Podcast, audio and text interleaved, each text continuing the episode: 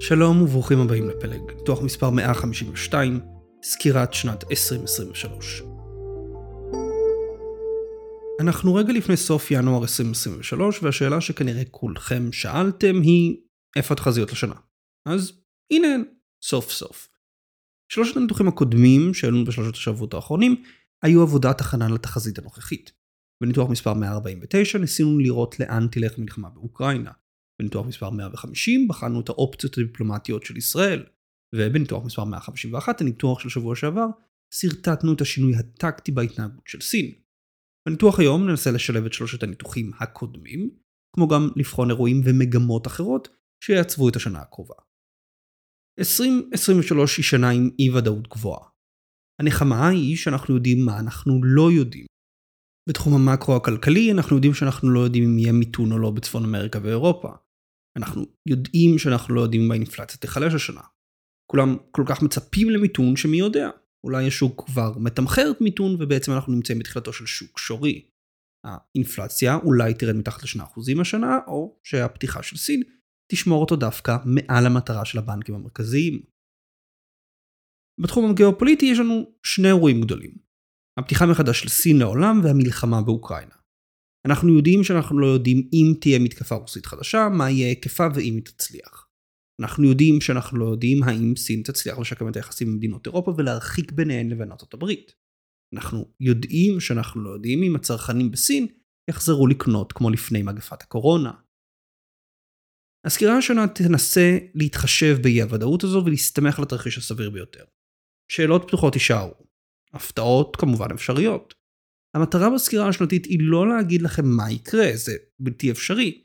היא להגיד לכם, א', מה סביר שיקרה, וב', למה כדאי לשים לב. הסקירה השנתית היא מפה בזמן. היא עוזרת לנו להבין מאיפה באנו ולאן אנחנו הולכים. היא עוזרת לנו להתמצא. ועם הבנה טובה יותר של המרחב, קל לנו יותר לא רק לתכנן מראש, אלא גם לבצע את ההתאמות הנדרשות כשיהיו שינויים. על הכל בניתוח היום. בואו נתחיל.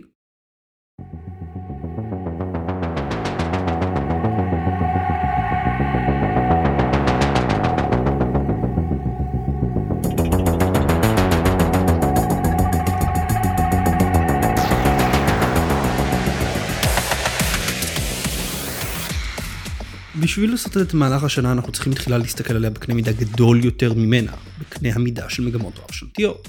ישנן שלוש מגמות שיפעלו ב-2023 ויעצבו את האירועים השונים של השנה. המגמה הראשונה היא זו של רגלובליזציה, הנובעת מהתחרות בין סין וארצות הברית. עסקנו בהיבט מרכזי אחד של התחרות הטכנולוגי בניתוח מספר 138 על מלחמת המחר. ארצות הברית וסין מתחרות ביניהן מי תחזיק בעליונות הטכנולוגית. שתי המדינות רוצות להיות הראשונות לפתח בינה מלאכותית, טיפולים רפואיים חדשניים, מחשבים קוונטיים, שבבים מתקדמים ועוד. הברית הראתה ב-2022 שהיא מוכנה להטיל מגבלות יצוא על סין שיפגעו ביצרנים אמריקנים, ובלבד שאותן מגבלות יגדילו את הפער בין סין הברית. היבט אחר של תחרות הוא הרצון האמריקני להקטין את התלות בייצור בסין, במיוחד של מוצרים ומערכות קריטיים לביטחון הלאומי, אם זו אנטיביוטיקה, סוללות או המערכות והחומרים הדרושים למטוס ה-F-35. לדוגמה, סין היא הספקית הגדולה בעולם של יסודות נדירים, וכל מטוס F-35 צריך כ-400 קילוגרם של היסודות האלו. הרצון האמריקני להקטין את התלות בסין נובע גם משיקול של דאגה לייצור המקומי. ג'ו ביידן נבחר תחת ההבטחה לדאוג למעמד הביניים האמריקני. במסגרת קיום ההבטחה, ממשל ביידן תומך בייצור אמריקני אם על ידי סבסוד, אם על ידי העדפה במכרזים פדרליים. מנקודת מבט פוליטית הקטנת התלות בסינים היא לא רק חכמה אסטרטגית, היא גם מהלך פוליטי טוב. התוצאה של כל זה היא רגלובליזציה, לא דה-גלובליזציה. דה-גלובליזציה משמעותה סוף לכלכלה הגלובלית, לא עוד שרשרות אספקה חוצות מדינות, לא עוד סחר גלובלי ער. דה-גלובליזציה לא תקרה, לפחות ללא מלחמת עולם. יצרנים ימשיכו לחפש מדינות עם יתרון יחסי והכלכלה הגלובלית תמשיך להתבסס על שרשרות ייצור בינלאומיות. מפעלים יצאו מסין לווייטנאם, מקסיקו והודו. מוצרי אלקטרוניקה ימשיכו להיות תלויים בתכנון אמריקני, שבבים מטיוואן ואריזה בסין. התחרות האסטרטגית בין ארה"ב וסין היא עוד שיקול שיש לעסקים לקחת בחשבון. היא לא הפכה לשיקול המכריע היחיד. משום כך, אנחנו רואים שייצור מסין לא עובר רישורינג, כלומר חוזר לארה"ב, אלא friend-shoring, עובר למדינות ידידותיות לארה"ב. מקסיקו היא דוגמה מעולה. מאז תחילת מלחמת הסחר בין סין וארצות הברית ב-2018, יצרנים אמריקנים מעבירים מפעלים מסין למקסיקו. שתי סיבות למה. ראשית, יש כמובן את התחרות בין סין וארצות הברית שמעיבה על העסקים. שנית, מקסיקו קרובה יותר לארצות הברית מסין. השיבושים בשינוע הימי ב-2020 ו-2021 הביאו יצרנים להעדיף ייצור קרוב יותר למוקדי הצריכה, כדי להקטין את הסיכון לשיבוש נוסף. קרוב לוודאי שהמגמה של תחרות אסטרטגית תמשיך גם ב-2023, וזאת על אף מה שנראה כירידה במתח בין הצדדים. מזכיר המדינה אנטוני בלינקן צפוי לבקר בבייג'ינג בפברואר, המשך לפגישת ביידן שי בנובמבר 2022. הצדדים צפויים לדון במתיחות בקוריאה, המלחמה באוקראינה ושיתוף פעולה בנושא הברחת סמים לארצות הברית מסין. כנראה שמטרת הביקור לבדוק באילו תחומים סין וארצות הברית יכולות עדיין לשתף פעולה, על אף התחרות ביניהן. אבל, וזה חשוב, התחרות לא הולכת לשום מקום. ממשל ביידן מתכנן לפרסם צו נשיאותי חדש בנושא השקעות אמריקניות בסקטורים אסטרטגיים בסין. כרגע התזמון אמור להיות בסמוך לביקור של בלינקן. הצו ייצור מגבלה חדשה על השקעות אמריקניות בסקטורים טכנולוגיים אסטרטגיים כמו שבבים בטכנולוגיה בסין. זה יהיה צעד נוסף בניתוק הטכנולוגי בין המדינות. ממשל ביידן גם כנראה ימשיך את הלחץ על יפן והולנד בתחום של מגבלות היצוא לסין.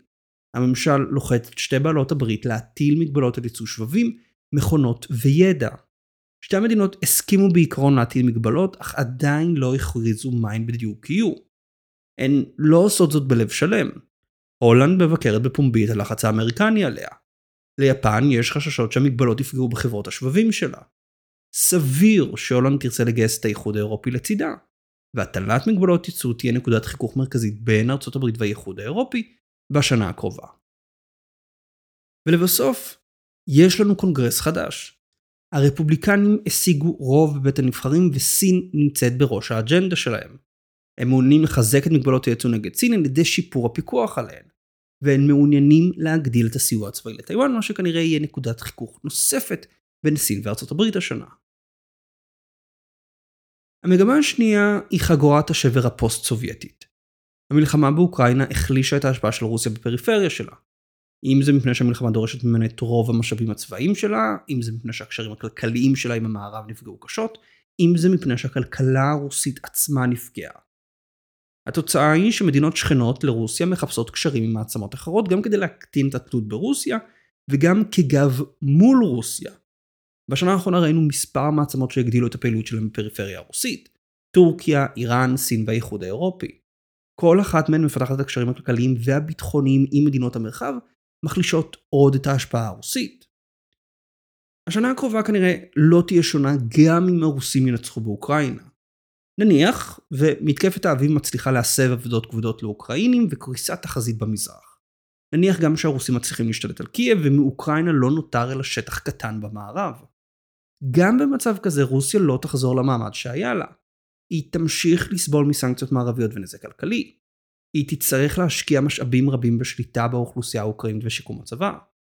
גם אם מוסקבה תכבוש את קייב, וזה אם גדול, השפעתה תמשיך להיחלש במרחב הפוסט-סובייטי. לבסוף, המגמה השלישית היא מצוקת החוב בדרום העולמי. 2022 לא הייתה שנה קלה למדינות מתפתחות. עליית מחירי המזון והאנרגיה פגעה בעתודות המט"ח שלהן ובשער המטבע המקומי. עליית הריבית בארצות הברית הגדילה את תשלומי הריבית על חוב דולרי והוציאה משקיעים מהכלכלות המתפתחות. ב-2022 ראינו איך סרי לנקה וגאנה נכנסות למשברי חוב עקב סביבת המאקרו הקשה. 2023 מציעה רק מעט הקלה.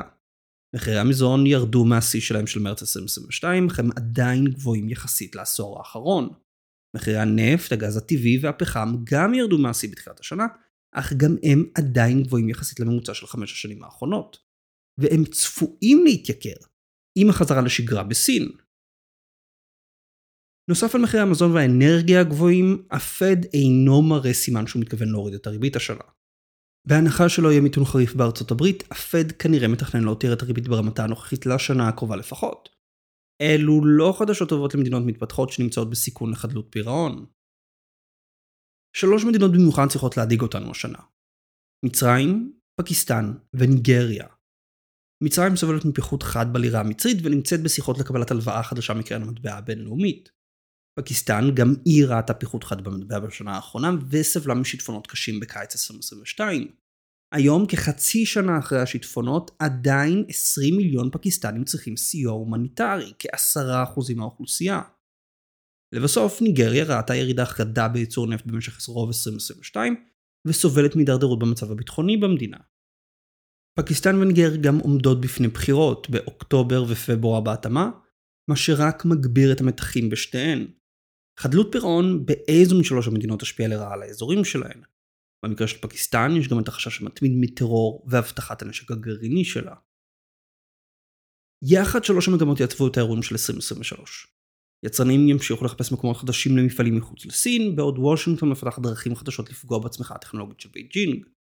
רוסיה תראה כיצד מעצמות מתחרות מתחזקות בפריפריה שלה, דבר שעלול להזין סכסוכים מקומיים, כמו זה בין ארמניה ואזרבייג'אן. ומצוקת החוב של הדרום העולמי תמשיך, אם מדינות מתפתחות מחפשות סיוע פיננסי, גם מקרן המטבע הבינלאומית, אך גם מגופים אחרים, כמו סין או בריקס.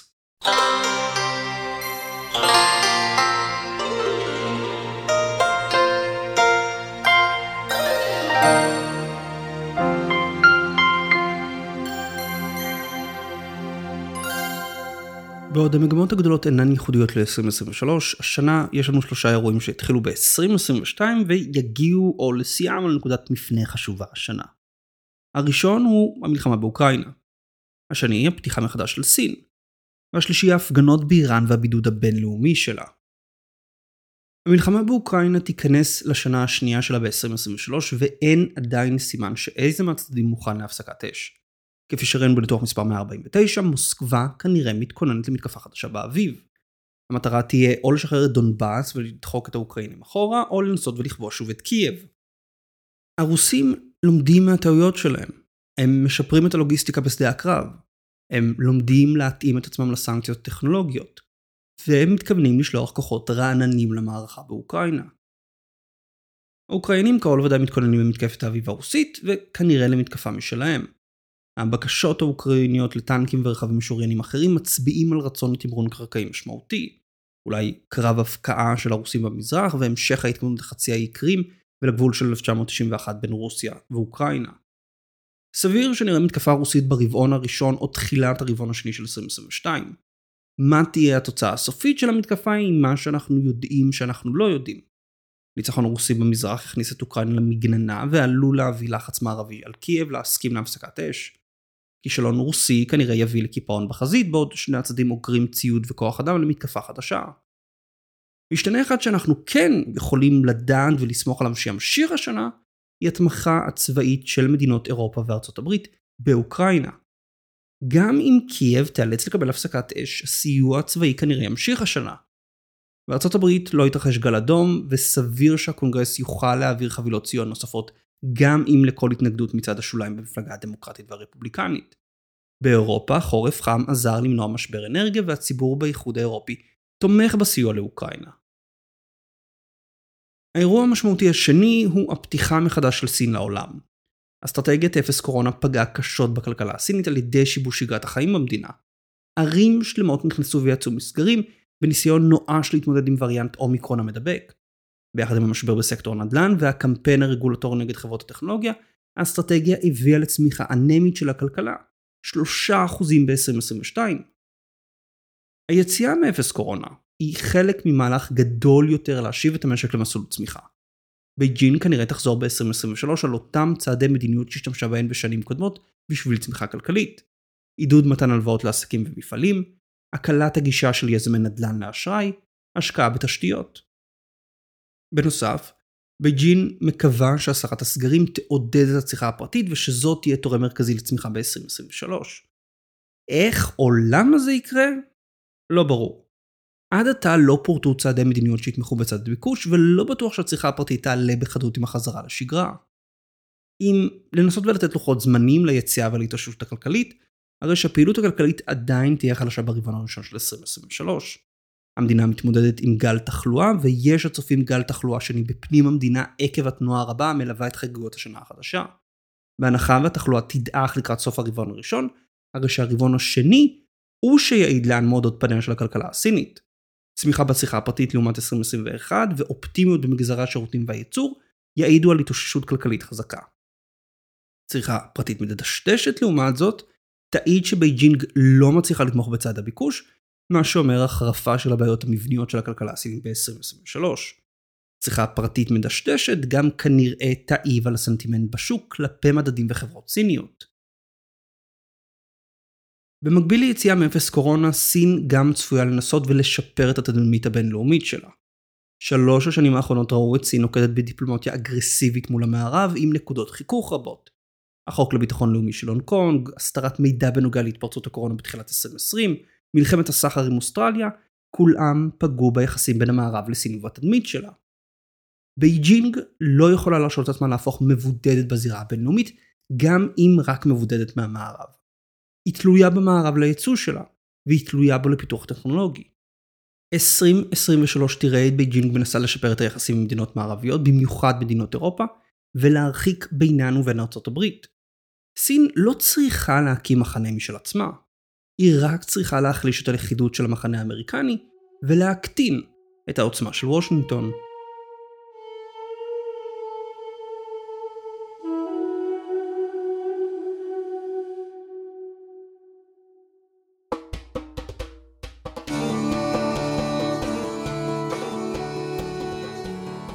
האירוע הגדול השלישי הוא משבר במפרץ הפרסי שיערב את איראן, ארה"ב וישראל.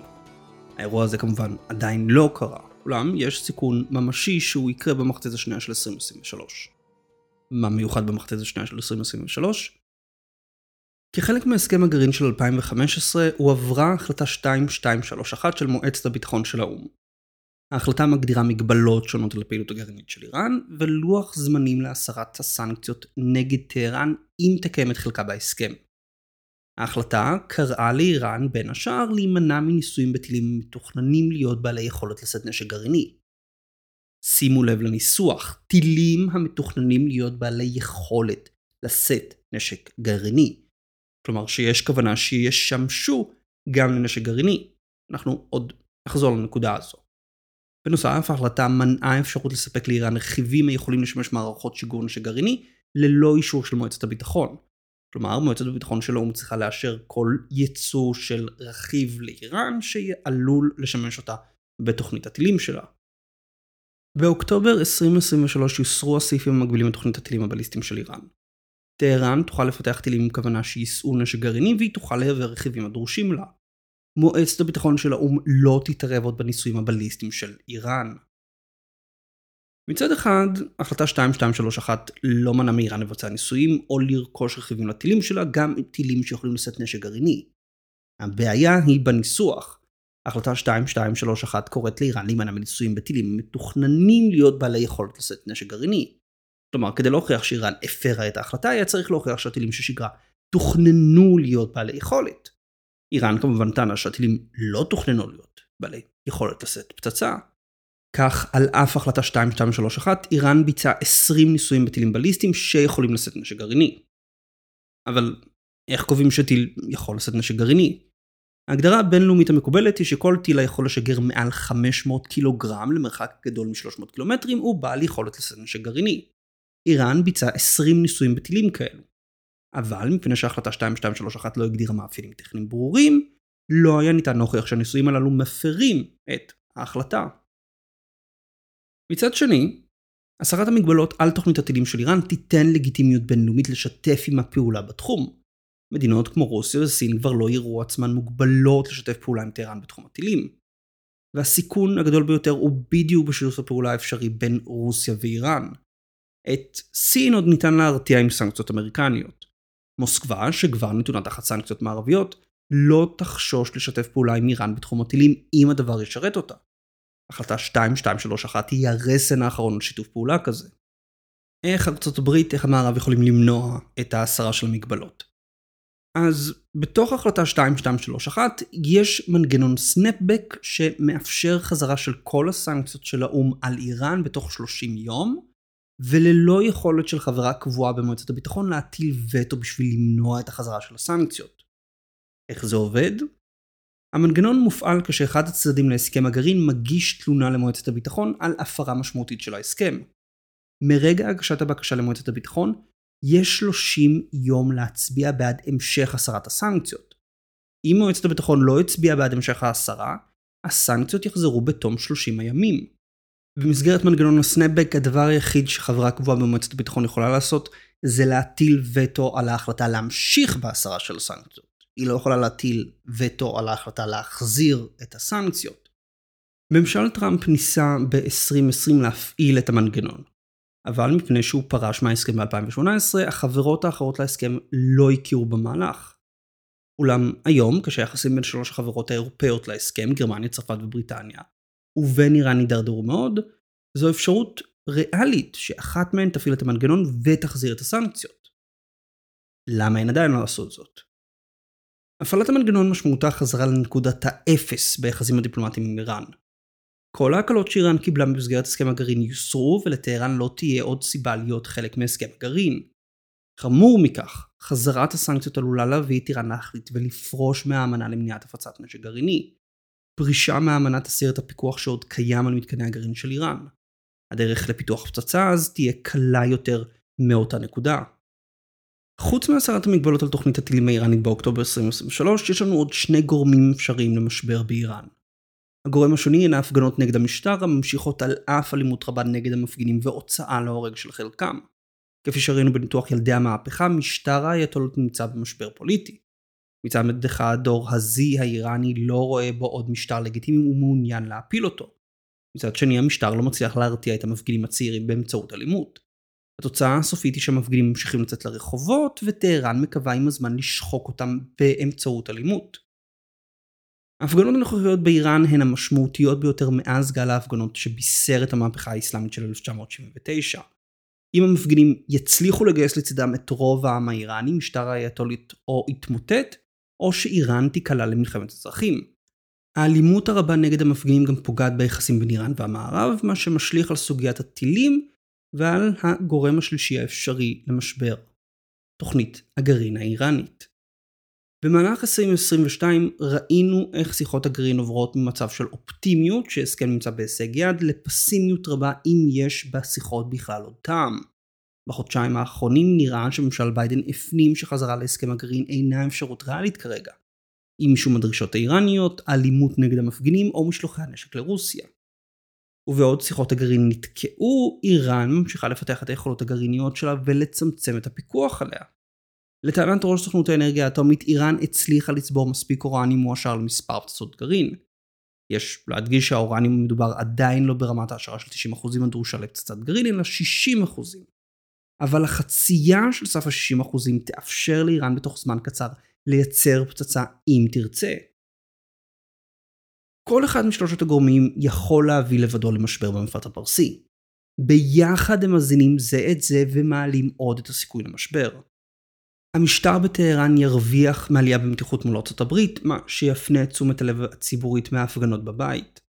ארצות הברית תצטרך או למצוא פתרון דיפלומטי להסרת הסנקציות באוקטובר 2023, או להחזיר אותן ולהסתכן בהידרדרות מול איראן. וישראל, החוששת מפריצה איראנית לפצצה, עלולה להחליט לתקוף את איראן ללא תמיכה אמריקנית. בתרחיש היפותטי אחד, מנגנון סנאפבק מופעל לפני אוקטובר 2023. איראן בתגובה פורשת מהאמנה למניעת תפוצת נשק גרעיני ומתחילה בהשארת הון אורניום לרמה של 90%. ממשלת נתניהו מפחדת שהאיראנים פורצים לפצצה, מחליטה על תקיפת מתקני הגרעין. איראן בתגובה משגרת טילים על ישראל ודורשת מחיזבאללה להצטרף ללחימה. מלחמת הצפון מתחילה עם פגיעה קשה במשק הישראלי וקפיצה חדה במחיר הנפט.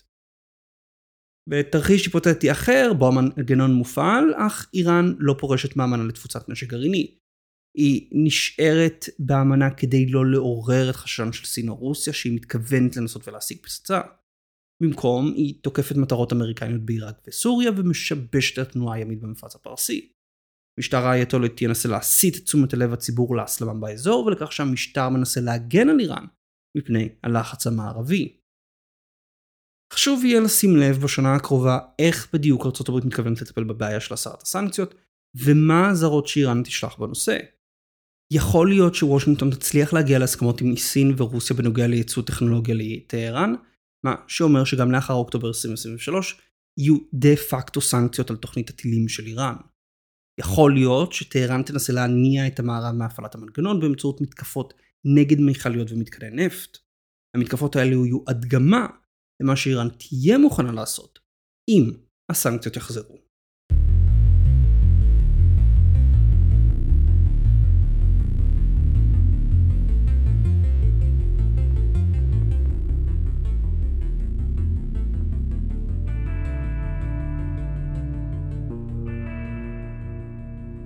שנת 2023 צפויה להיות שנת אי ודאות גבוהה. במחצית הראשונה כנראה ישלטו הסוגיות של המתקפה הרוסית באוקראינה והצריכה הפרטית בסין. במחצית השנייה, איראן ומשבר במפרץ הפרסי עלולים לפגוע בכלכלה העולמית ולגרום לזינוק במחיר הנפט. לשמחתנו, הודות לניתוח הגיאופוליטי, אנחנו מבינים את המגמות ארוכות הטווח שיעצבו את השנה. אם זו התחרות האסטרטגית בין ארה"ב וסין, או מצוקת החוב בעולם המתפתח. סיכונים והזדמנויות מחכים לנו בשנה החדשה. בואו ניקח אותם. שנה טובה. תודה לכם על ההקשבה.